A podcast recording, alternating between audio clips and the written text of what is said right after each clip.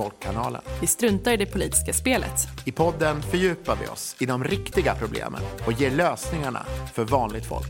Jag heter Lina Stenberg Och jag heter Peter Gustafsson. och det här är en podd som handlar om de riktiga frågorna. De som spelar roll på riktigt för vanligt folk.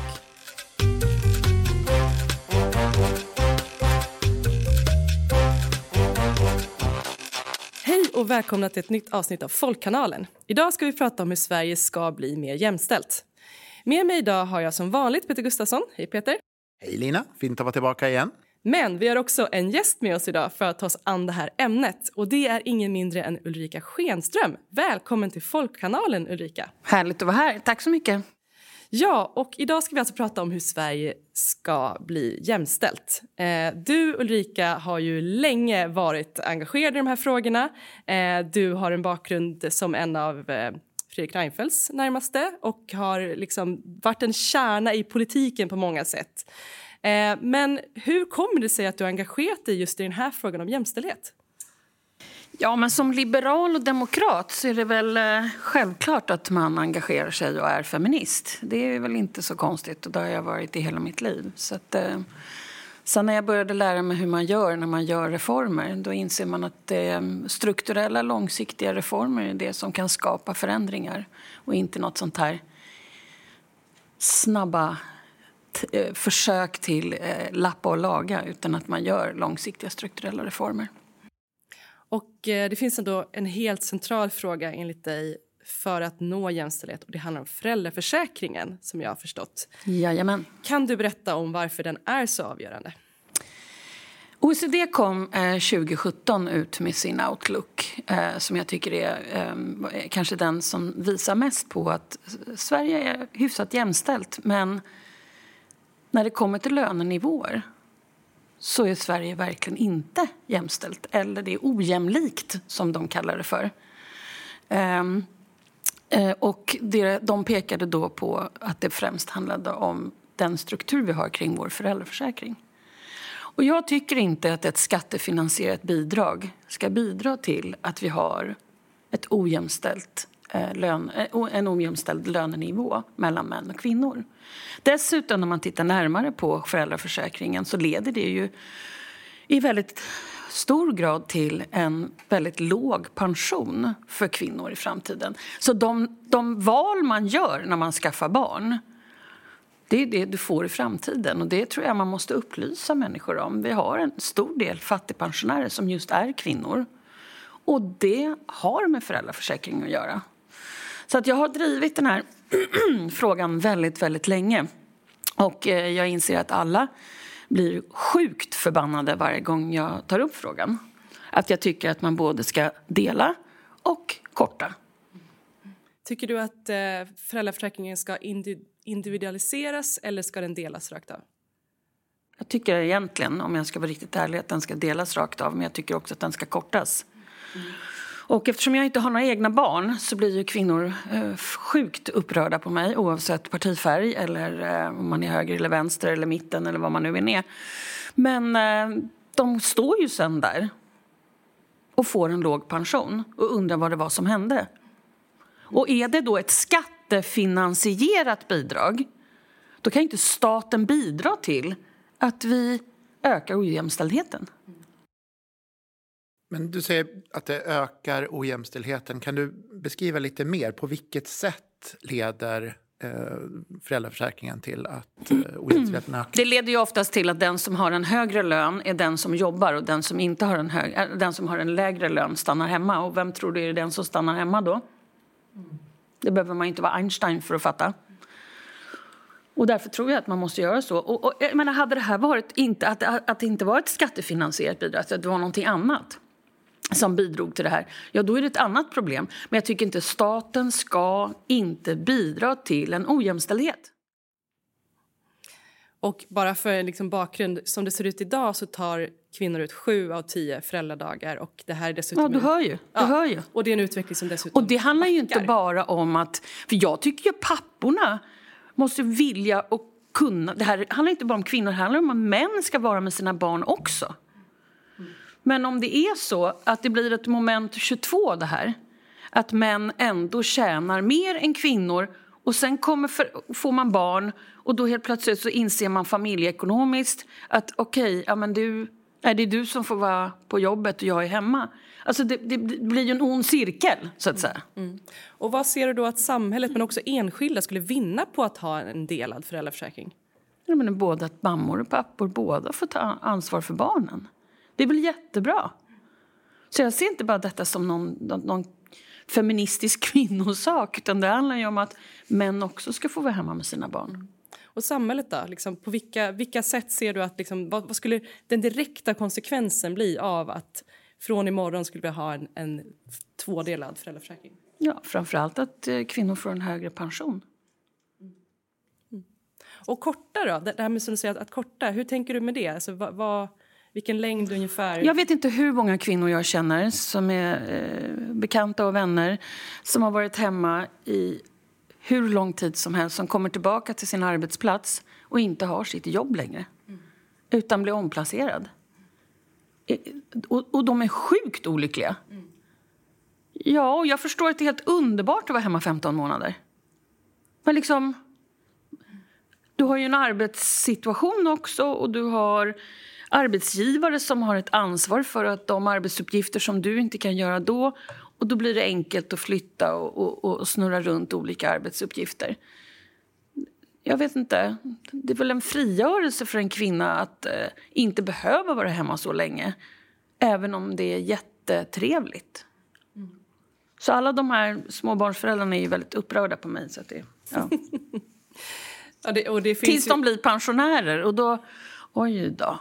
Ja, mm. precis. Nej, och det, jag tänker att kritiken här är ju på många olika nivåer och från många olika håll. Men om man tänker liksom just från högerkanten eh, där du kanske har varit ganska ensam i att, att lobba för det här eller att driva det här. Eh, vad har kritiken varit eller vad, vad, vad, är det för typ av motstånd ja, Oftast så finns det ju väldigt låg nivå då att jag inte har några egna barn så att jag mm. förstår ju inte. Mm. Det är nummer ett. Mm. Eh, nummer två så tror jag att både, eh, om vi tar LO-väljare ehm, så, så, att, så att säga. Jag tror att många eh, där ser det som att man ser föräldraledigheten eh, eh, som kanske nästan ett friår på något sätt. Och det är inte konstigt för det är människor som har väldigt tuffa yrken och som och, och, som sliter på jobbet. Jag tycker inte det är konstigt, men de har inte tänkt två tankar, utan en. Och sen tror jag att det finns väldigt många på, om vi säger eh, någon slags övre medelklass och medelklass som kanske ser det som att man sätter det för att kunna vara hemmafru på något sätt. En betald hemmatillvaro. Och så länge det är skattefinansierat, jag återkommer till detta, så tycker jag inte man kan bidra till det. Att vi alla ska bidra till att folk får ett friår eller att vi bidrar till att någon sätter i eh, någon slags situation att kunna vara hemmafru. Mm. Och det som nu föreslås av regeringen när det kommer till föräldraförsäkringen är ju att det också ska kunna eh, delas till andra än bara föräldrarna. Hur ser du på den, eh, det förslaget i det här sammanhanget? Ja, jag vet inte riktigt. Jag har inte riktigt bestämt mig där faktiskt. Det är säkert jättebra att man kan låta mormor och farmor och, och, och kanske vänner eller så vidare. Men jag tror ändå att man, om det är skattefinansierat tror jag man måste ändå ha någon slags struktur på det här. Um, så att, eh, ja, mm. ja, inte riktigt. Det har ju mm. kommit vissa liksom, farhågor ändå lyfts som att det kanske skulle bli, liksom, öppnas upp för privata aktörer att kunna liksom, sätta in nanny, ha någon slags nanny-system och sådär. Det här är ju fortfarande liksom mera spekulationer. Jag tycker det är så konstigt att vi har den här diskussionen i Sverige. Jag menar, i, i Frankrike till exempel, jag menar, då tycker folk att jag är hård. Men, men folk, kvinnor skaffar barn och de är hemma några veckor och de har med barnet på jobbet. Och, jag, jag vet inte riktigt, vad, vad, är problemet? Varför har vi hamnat i den här över... Eh, ja, överdaddandet på något sätt? Men hur ser du på att, för det här är ju faktiskt en del av liksom föräldraförsäkringen som äntligen kan man säga har liksom ändå kommit upp i debatten. Föräldraförsäkringen är ju inte så hårt diskuterat kan man inte säga. Eh, därför att alla undviker det därför att det är en fråga som ingen vinner på opinionsmässigt något mm. parti. Nej, och därför blir det jättejobbigt. Mm. Och det är det här som blir eh, kan jag känna också liksom frustrerande som jag vill se en individualiserad föräldraförsäkring. Eh, jag vill liksom att det, det, man måste flytta fram positionerna. Jag, jag, tror precis som du, det måste vara reformer, det är skattemedel. Och samtidigt då så eh, är det ju, nu har vi stannat vid tre föräldramånader och att driva ytterligare en månad ens skulle vara nästan liksom, inte politiskt självmord, men det är inte någonting som är poppis. Liksom. Och, och då blir ju liksom frågan, hur kan vi ens då driva det här framåt när det inte ens är någon liksom, som vill. som vill eller som vågar? Mm, men den som kommer att våga, den kommer att vinna. Det är alltid det det handlar om. Att våga, vet du, det är ju, det, det är ju lite förlora sig själv. Mm, men inte våga, vad är det? Men den här typen av reformer de är ju ofta impopulära i början. Den som lägger ett sånt förslag eh, kanske förlorar i opinionen. Ja, men allting handlar ju om att, vinna långsiktigt i opinionen och inte kortsiktigt. Och Det är därför jag alltid säger det, oavsett om vi pratar om föräldraförsäkringen eller någonting annat. Man måste kunna, som politiker, eh, kunna leverera långsiktiga strukturella reformer. Eh, annars kan man ju sluta vara politiker, tycker jag. Man, man, ska ju vara politiker för att man vill förändra och förbättra.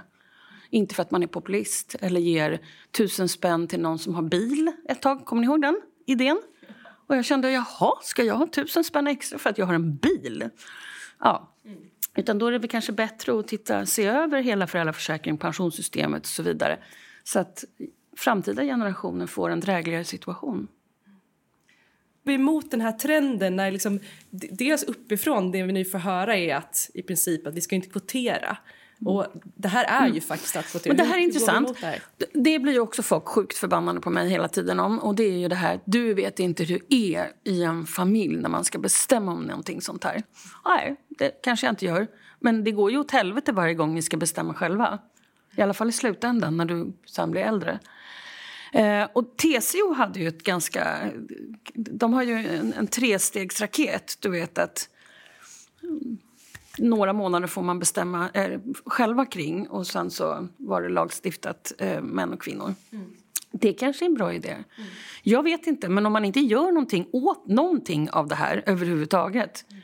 så kommer det bara bli sämre och sämre för kvinnors lönesituation och pensioner. Mm.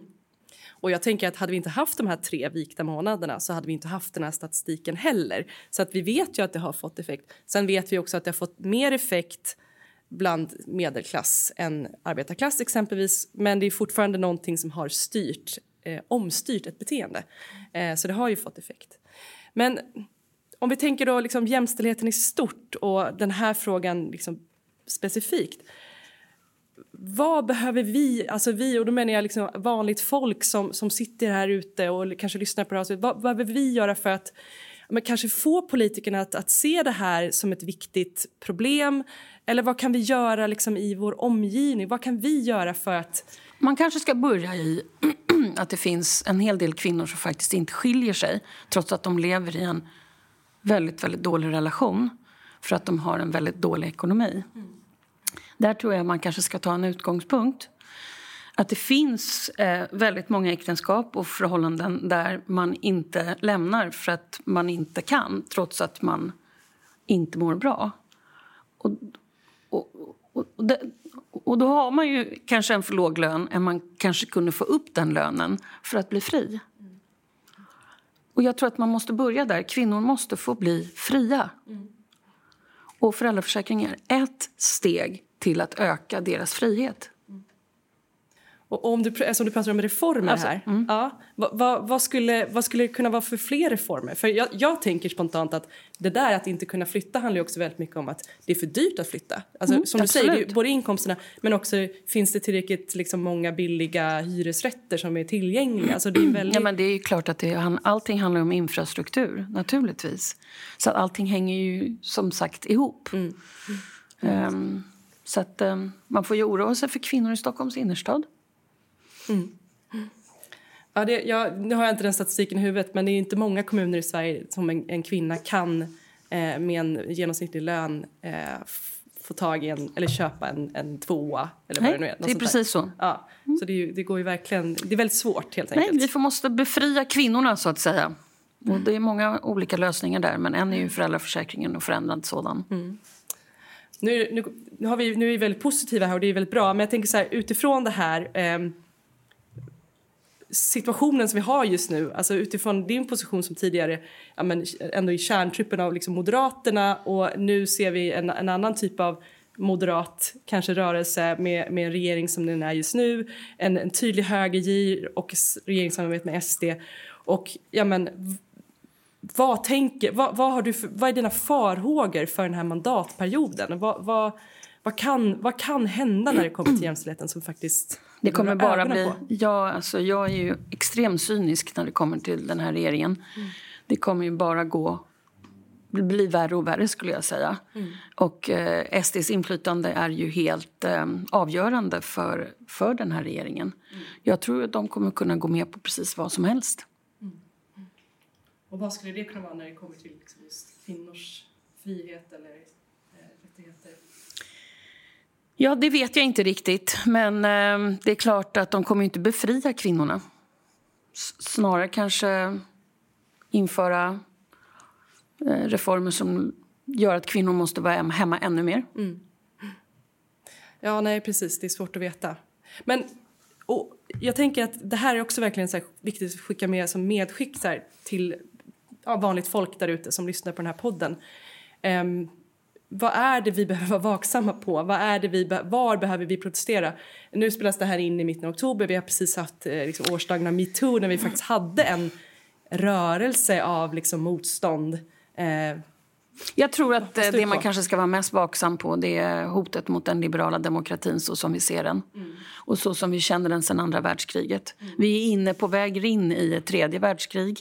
Vi är i dåliga tider just nu och jag tror man ska vara ytterst vaksam på angiverisystem till exempel. Mm. Jag var väldigt, väldigt, väldigt upprörd när angiveriförslaget eh, kom. Eh, det leder ju inte till någon större jämställdhet eller någon slags jämlikhet överhuvudtaget. Och alla behöver vara vaksamma på de små, små, små, små steg som tas för att mota så att vi ändå har kvar en demokrati och värnar den. Mm. Ja, men viktiga eh, medskick. Eh, och jag tänker vi ska försöka sammanfatta lite. Vi har pratat om, om föräldraförsäkringen som en, en kärnfråga i jämställdheten för att föra jämställdheten framåt i Sverige med Ulrika Schenström. Och eh, också pratat om eh, ja, men den, den nuvarande regeringen och det som ja, kan bli verklighet under mandatperioden men också ja, men de, eh, de steg som tas i fel riktning. Och eh, jag tänker ändå att, att, om vi ska avrunda det här på, eller avsluta det här på ett positivt sätt så är det ändå att föräldraförsäkringen, vi har fortfarande eh, en föräldraförsäkring som är bland de mest jämställda, eller är den mest jämställda och det säger väl kanske mer om andra länder. Eh, men det finns också många positiva krafter som vill att det här ska gå framåt. Och det handlar väl också om att vi alla som vill det krokar arm och eh, ja, verkligen jobbar för att det här kan bli verklighet. Eh, och eh, jag bara, ja, men, sista ord till dig Ulrika.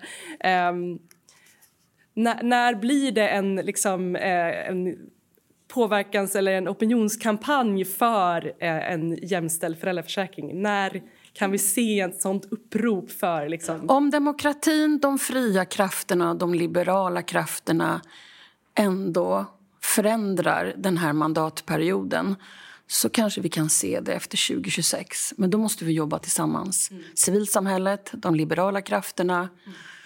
kulturen, säkerheten. Mm. Vinner vi, då kommer vi kunna ha en fin nästa mandatperiod.